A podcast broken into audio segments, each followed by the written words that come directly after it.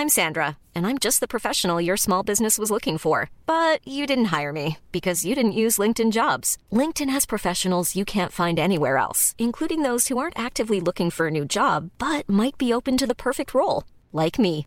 In a given month, over 70% of LinkedIn users don't visit other leading job sites. So if you're not looking on LinkedIn, you'll miss out on great candidates like Sandra. Start hiring professionals like a professional. Post your free job on linkedin.com/people today. This Mother's Day, celebrate the extraordinary women in your life with a heartfelt gift from Blue Nile. Whether it's for your mom, a mother figure, or yourself as a mom, find that perfect piece to express your love and appreciation. Explore Blue Nile's exquisite pearls and mesmerizing gemstones that she's sure to love. Enjoy fast shipping options like guaranteed free shipping and returns. Make this Mother's Day unforgettable with a piece from Blue Nile. Right now, get up to 50% off at BlueNile.com. That's BlueNile.com. Burrow's furniture is built for the way you live. From ensuring easy assembly and disassembly to honoring highly requested new colors for their award-winning seating, they always have their customers in mind. Their modular seating is made out of durable materials to last and grow with you. And with Burrow, you always get fast, free shipping. Get up to 60% off during Burrow's Memorial Day sale at burrow.com slash ACAST. That's burrow.com slash ACAST. burrow.com slash ACAST. På NLA-høyskolen gir vi deg utdanning med mening. Og samfunnet trenger både sannhetssøkende journalister, kloke pedagoger, etisk bevisste økonomer og musikere som berører. Sjekk ut NLA-høyskolens studietilbud på nla.no, eller besøk et av våre studiesteder i Bergen, Kristiansand eller Oslo.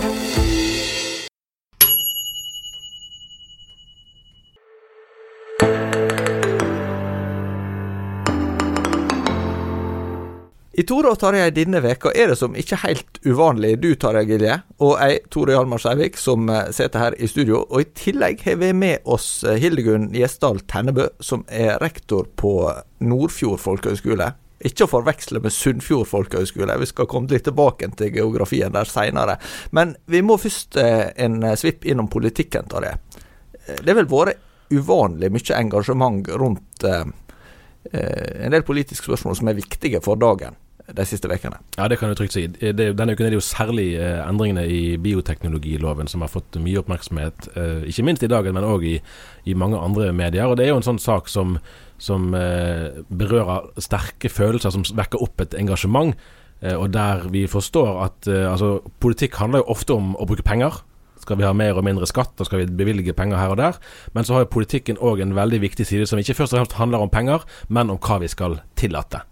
Eh, og her er det jo noen endringer som kanskje eh, ikke er først og fremst dramatiske i seg sjøl, det kan de òg være, men aller mest fordi at de åpner noen dører der vi ikke helt vet eh, hvor eh, veien fører hen, for å si det sånn.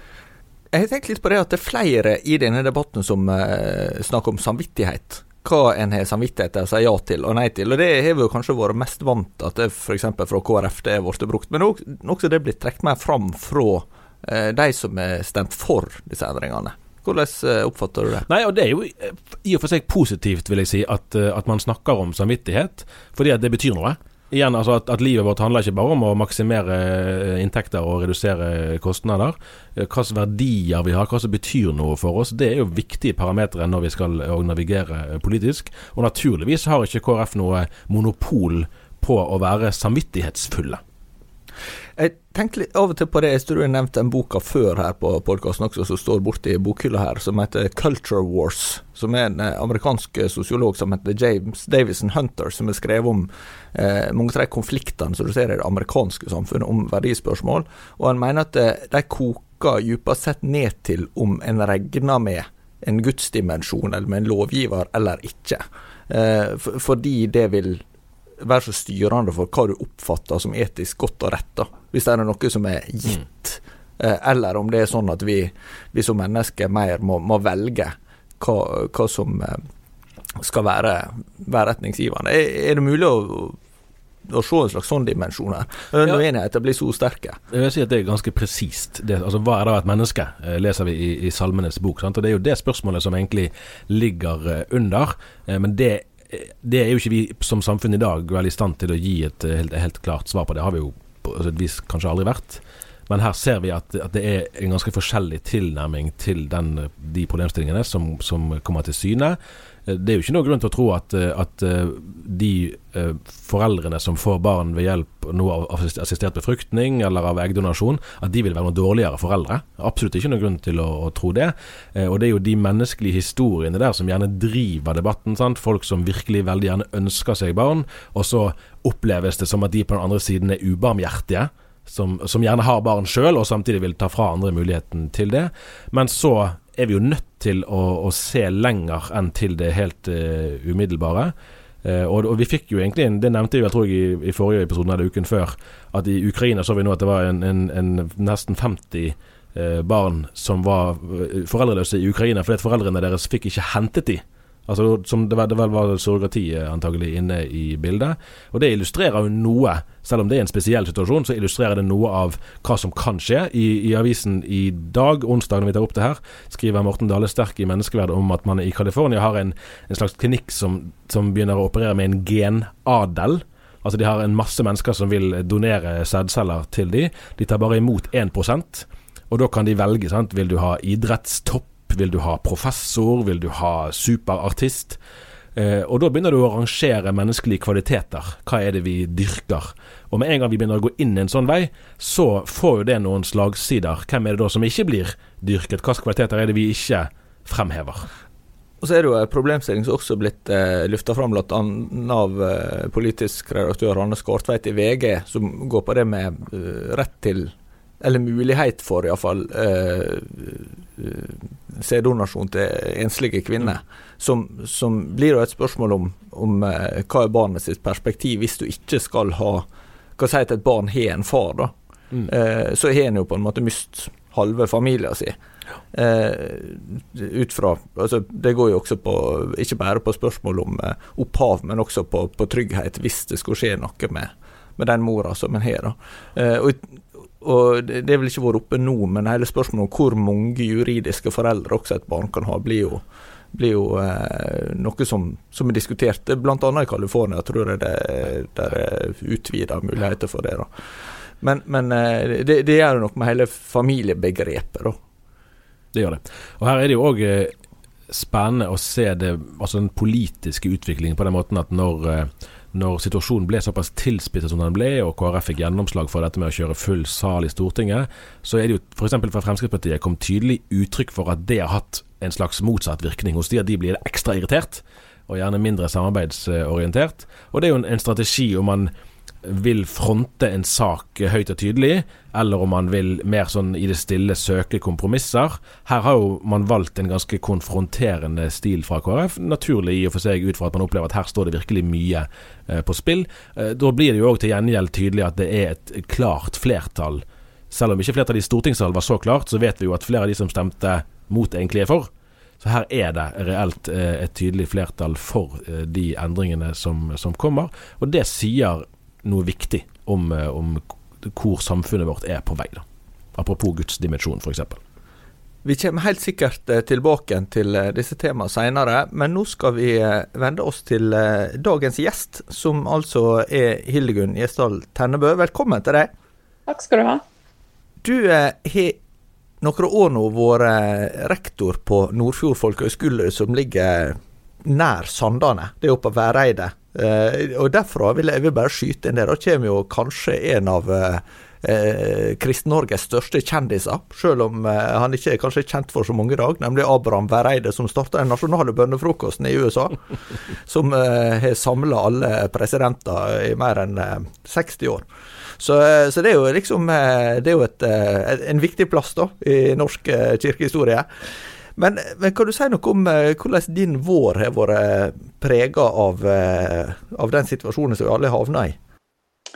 Ja, men det er jo, Jeg vil bare si jeg er imponert over presisjonsnivået på geografien. her nå Ja, jeg, jeg, altså Kona mi er fra Gloppen, så hun er fra Hyen. da. Så, så dermed så er jeg litt, litt kjent. Eh, jeg har lært, altså Tor har lært meg denne Sogn og Fjordane-sangen. Ja, det, jeg kan alle tre versene, men jeg skal ikke ta dem nå. Den anbefaler jeg alle å gå inn på YouTube og høre. Ja. Spesielt nå når fylket ikke finnes lenger, så må man jo minnes det som var. Stemmer. Ja, dette er veldig vakkert. det må jeg bare si.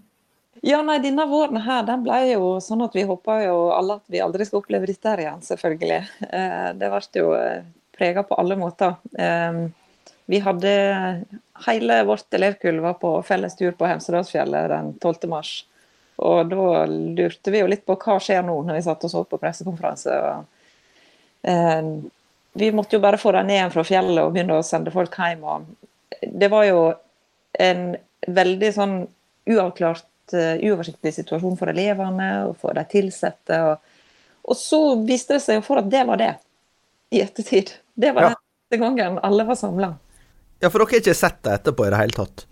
Vi har sett dem sånn én og én og litt sånn. De har kommet tilbake og pakka tingene sine. Eh, ja. Vaska rommet og, og reist. da. Og sånn har det jo vært på de aller fleste folkehøyskoler. Så eh, jeg har jobba i litt over 15 år på internatskole. Jeg vet at denne siste tida på internatskole på våren der, det, det, er jo liksom helt den mest ubetalelige tida, ikke sant. Da begynner folk å skjønne at tida er et knapphetsgode. og Det er litt sånn som når folk har litt kort igjen å leve. Da ja. setter, setter en pris på alle detaljene og eh, ja, setter veldig pris på fellesskapet med hverandre. Og så er nå våren i Gloppen helt legendarisk. Da. Ja, det, det, må jeg bare si, at hvis en, hvis en eh, reiser forbi Sandane, så bør en egentlig ta seg en stopp. Helt enig. Ja. Uh, men uh, hvis vi på en måte ja, skal, skal, oppsummere, eller skal se litt på, på hvordan er den en vanligvis, da? Hva er det en sitter igjen med når sånn folkehøyskoleår er over? Hva er det som, som er, er deres mål at elevene skal sitte igjen med, og hva er det de gir dere tilbakemelding på? Ja, Det er jo et godt spørsmål om de to tingene henger i hop. Eh, det vi gjerne vil at de skal sitte igjen med, og det de faktisk sitter igjen med. Men eh, vi har jo en sånn eh, visjon som eh, er jo forholdsvis sånn åpen, men eh, det handler om at vi vil sette spor under en åpen himmel. Eh, og når vi ser Vi evaluerer jo selvfølgelig åra etter hvert som de går. Når vi ser det elevene skriver om, så ser vi jo at det skjer. Altså, det å være i lag med andre ungdommer fra hele landet, og vi har noen utlendinger òg, men ikke så veldig mange. Men det å skape et fellesskap på en plass langt utafor uh, på mange måter allfarvei for mange, da. Vi har jo en del folk som kommer fra byer og sånt. Og det å oppleve det der med at en kan bli kjent med folk en ellers aldri har truffet. Og den virkninga som det å være ute i aktivitet i sånne storfelte naturopplevelser. Hva det på en måte gjør med folk, da. Det, det, det er ganske oppmuntrende å, å, lese om. Og mange skriver jo noe om det med at eh, det er første gang de kanskje har opplevd å høre til ordentlig et fellesskap. ikke sant? Eh, følt at de har blitt inkludert, akseptert. Ja. Så det er ganske fint. Det er sterkt sagt.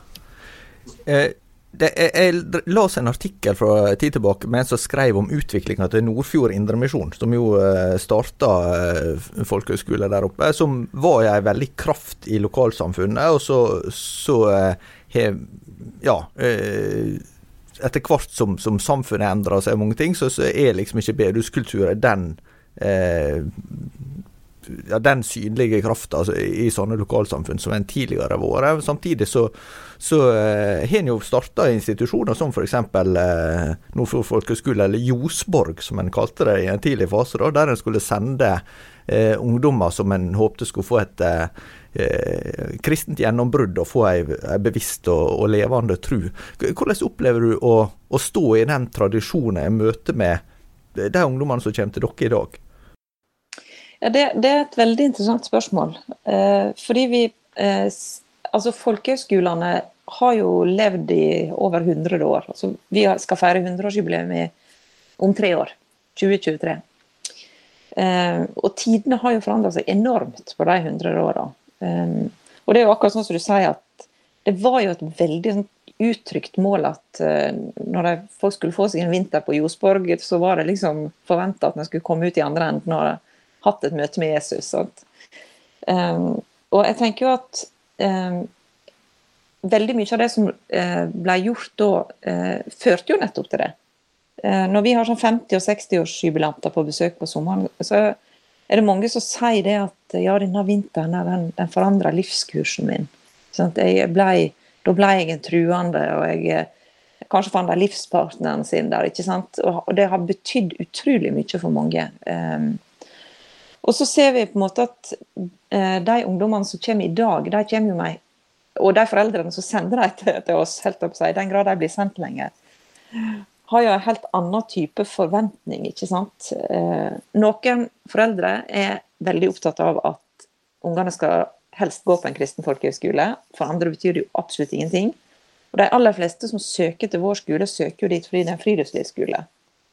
Um, men jeg opplever at oppdraget fremdeles står ganske tydelig for oss. Um, og at um, en holder fana høyt, men på en litt annen måte. For jeg tror nok kanskje at vi hadde I den tradisjonen som, som, som er vår, da, så hadde jeg nok et veldig sterkt ønske om at det var i løpet av det året her det skulle skje. I stedet for å tenke at prosessene kanskje kan være litt lengre for folk. Eller at dette er ett punkt i livet der folk blir møtt med evangeliet og forkynnelse og sånne ting. Um, og at det var en del press og uheldige hva skal jeg si da? Altså, En ting er at folk sier på 50-årsjubileum at de fikk endra livskurs, men jeg har òg møtt folk på 50-årsjubileet som sier at jeg har aldri siden sett min fot i kristne sammenhenger. Det ble for trangt og for smalt. ikke sant? Um, og inn i det her bildet så tenker jeg at vi prøver kanskje i dag å være hakket mer balanserte uh, og, og, kanskje mer kulturåpne uh, i møte med de ungdommene som kommer i dag. Og, og, og, jobber veldig mye for at folk uansett livssyn skal føle at de er hjemme hos oss. da. Spennende. Uh jeg har aldri gått på folkeskole, og jeg har tenkt av og til gjennom årene at jeg tror nesten ikke jeg kjenner noen i min egen omgangskrets heller som har gjort det. Og kanskje litt fordi at i en del eh, kristne miljøer har det kanskje vært litt sånn at hvis du har et år, altså mellom eh, skolegang og studier, eh, så er det gjerne bibelskole, DTS, eh, den, den, type alternativer som har blitt foretrukket. Og kanskje til og med noen har tenkt det som at folkeskole det er noe mer en sånn bedagelig, forsiktig et eller annet halvferie. sant? Ganske urettferdig, sannsynligvis, karakteristikker. Og så er det interessant å tenke på, syns jeg, at, at disse folkeskolene som er eid av misjonsorganisasjoner, gjerne målbærer en kristendomsform, til og med, som i hvert fall kan oppfattes som mer åpen enn den kulturen disse organisasjonene ellers er forbundet med. Eh, hvordan resonnerer du rundt den, ja, den spenningen, om du vil? da? Eh, ja, eh, jeg tenker jo at folkehøyskolene er jo organisasjonene sin arm inn mot bredde, bredde av norsk ungdom. Altså, og det er en bredde som en ellers aldri er i kontakt med. Uh, altså det er jo det er jo en del ungdommer som kommer til vår folkehøgskole og andre folkehøgskoler som virkelig er de, de, er helt blanke når det gjelder kristen tilknytning. De, de, kjenner ingen som er kristne, de har ikke noe erfaring, de har ikke vært på leir. De, de har, eh, ja, har, levd helt alminnelige, sekulære norske liv, som det blir flere og flere som lever. Um, og det um, Det å da på en måte stå på den tradisjonen som vi er en del av, eh, og samtidig på en måte skulle være i, eh, hva skal jeg si, i relevante møter med, med disse ungdommene her, da, det utfordrer jo både hva vi er opptatt av, og hva vi gir tid og rom.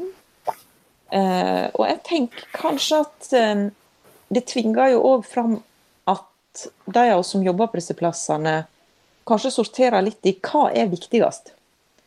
Eh, hvor perifere diskusjoner eller hvor indrekirkelige ting kan vi bruke tid på dette året her? ikke sant?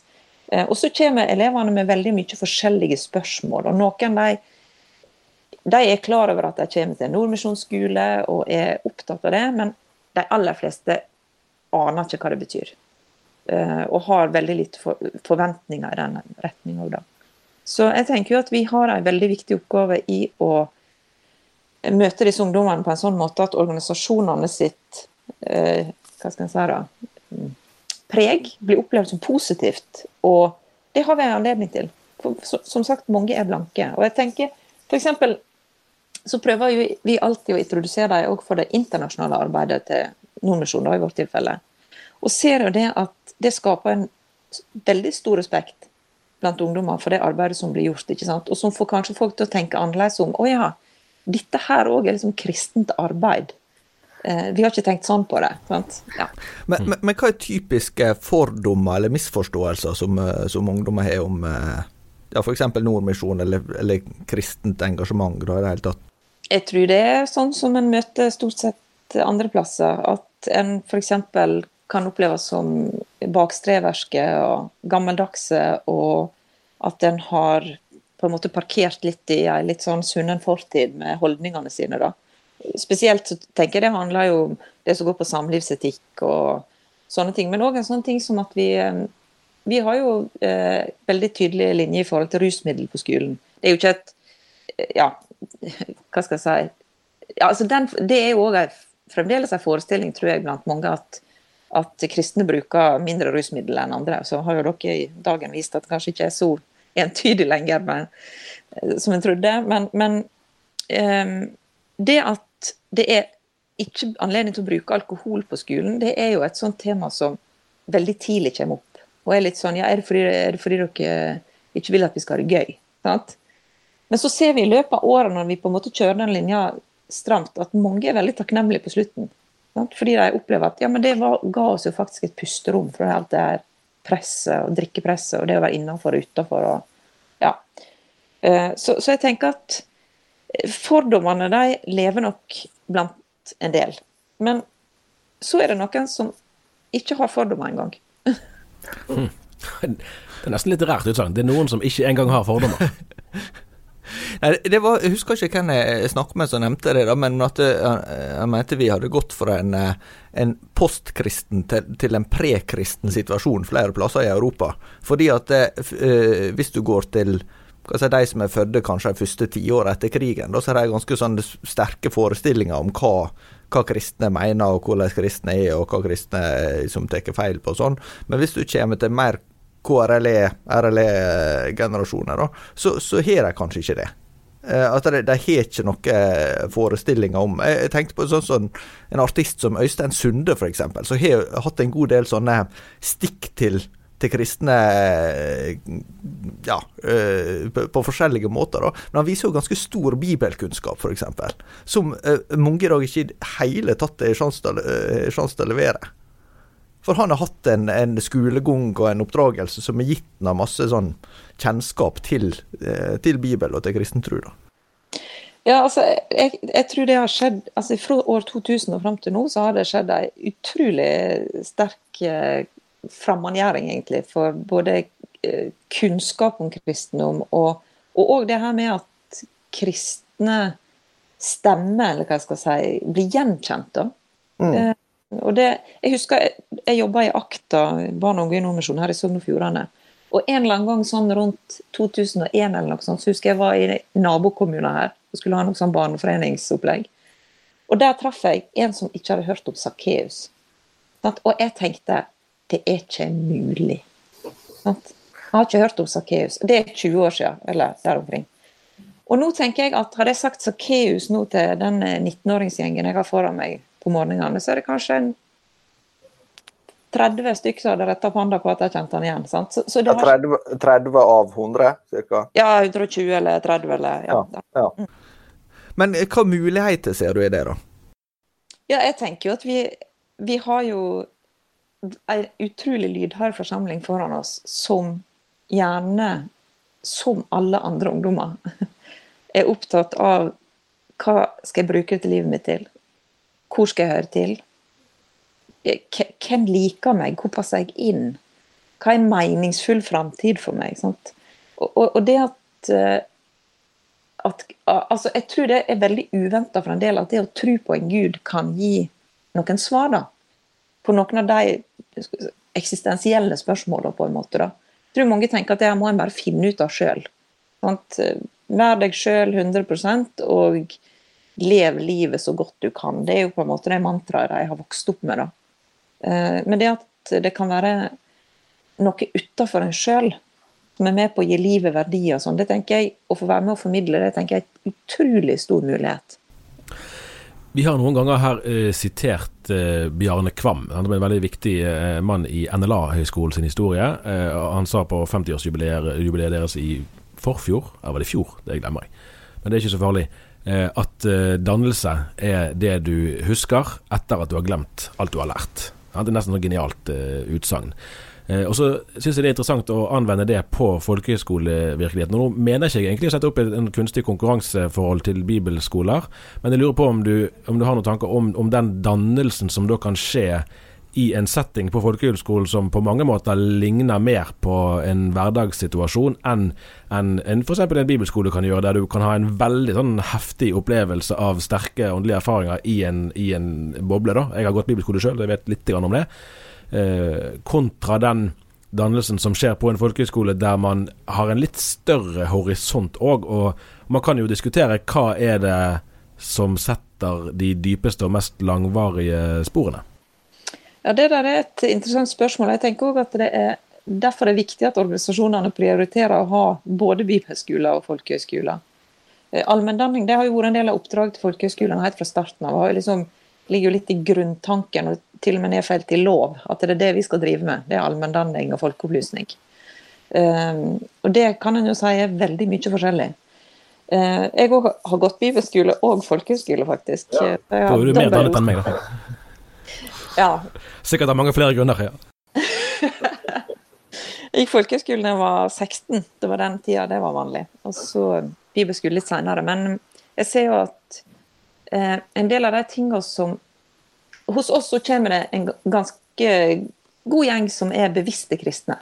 Eh, når vi spør i våre evalueringer regner du som kristen før du kom, så bruker ca. to tredjedeler å skrive at de eh, er kristne, og en tredjedel av de, da, nei, altså halvparten av de, sier at de var aktive kristne. Um, det de på en måte får erfare av det der med å anvende sin, si tru i møte med ikke-kristne på en arena der det på en måte er det kristne livssynet som er framherskende. Det tenker jeg er det, det, tror jeg er noe av det som de opplever som aller finest og mest utviklende. Fordi eh, en vokser jo opp i grunnskole og videregående og alt det her med, i en situasjon der en alltid er i minoritet. Så lenge en ikke går på kristen videregående, da, eller ja. Men det å erfare det her med at vi har Vi er mange som mener det samme, men vi kan ikke dermed liksom bare kjøre på og eh, diskutere alle disse her eh, perifere ting, og, eller bare bruke tid på, eh, på Bibel og bønn. Altså, vi må på en måte vi må være der folk er òg, sant. Eh, jeg tror det er noe som gir disse som allerede er kristne, et utrolig godt sånn fotfeste inn mot det de skal videre i livet.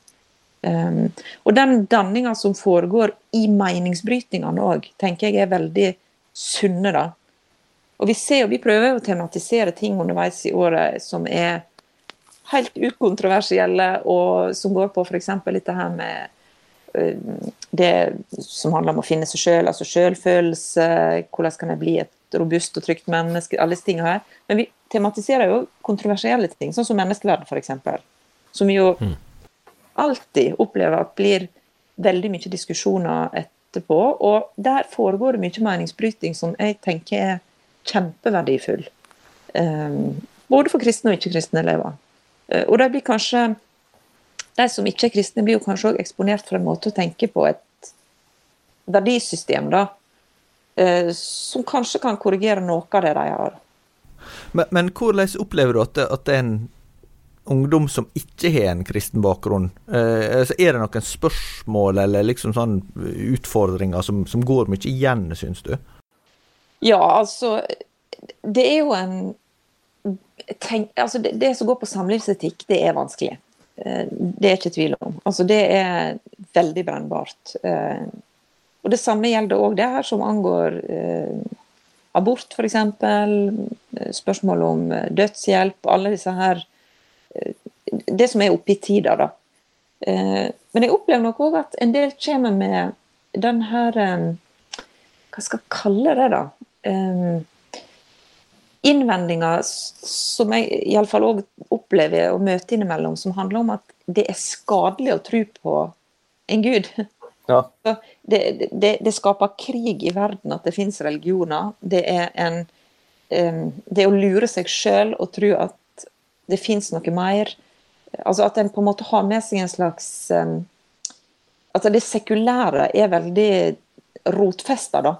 I folk. Der det å tenke f.eks. at eh, det kan finnes en skaper bak det vi ser av naturlover og alt det her, at det blir opplevd som helt fullstendig bananas for en del.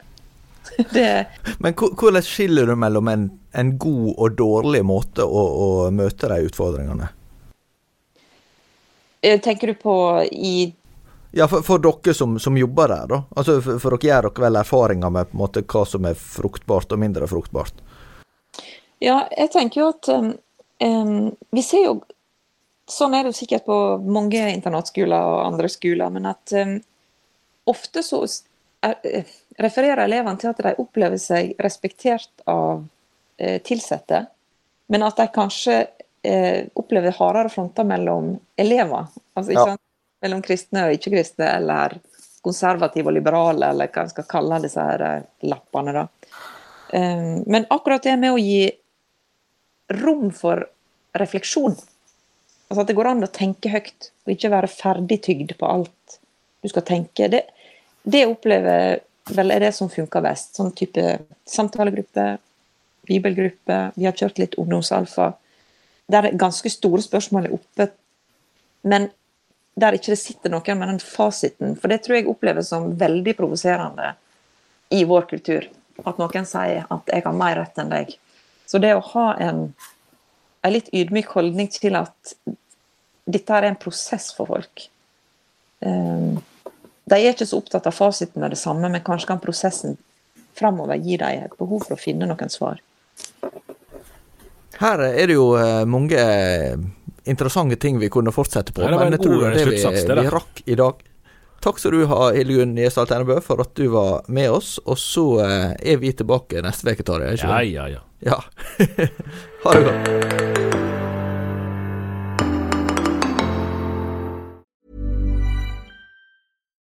Here's a cool fact a crocodile can't stick out its tongue. Another cool fact you can get short term health insurance for a month or just under a year in some states. United Healthcare short term insurance plans are designed for people who are between jobs, coming off their parents' plan, or turning a side hustle into a full time gig. Underwritten by Golden Rule Insurance Company, they offer flexible, budget friendly coverage with access to a nationwide network of doctors and hospitals. Get more cool facts about United Healthcare short term plans at uh1.com. Imagine the softest sheets you've ever felt. Now imagine them getting even softer over time. That's what you'll feel with Bowl and Branch's organic cotton sheets. In a recent customer survey, 96% replied that Bowl and Branch sheets get softer with every wash. Start getting your best night's sleep in these sheets that get softer and softer for years to come. Try their sheets with a 30-night guarantee. Plus, get 15% off your first order at bowlandbranch.com. Code BUTTERY. Exclusions apply. See site for details. When you make decisions for your company, you look for the no brainers. If you have a lot of mailing to do, stamps.com is the ultimate no brainer. Use the stamps.com mobile app to mail everything you need to keep your business running with up to 89% off USPS and UPS. Make the same no brainer decision as over 1 million other businesses with stamps.com. Use code PROGRAM for a special offer. That's stamps.com code PROGRAM.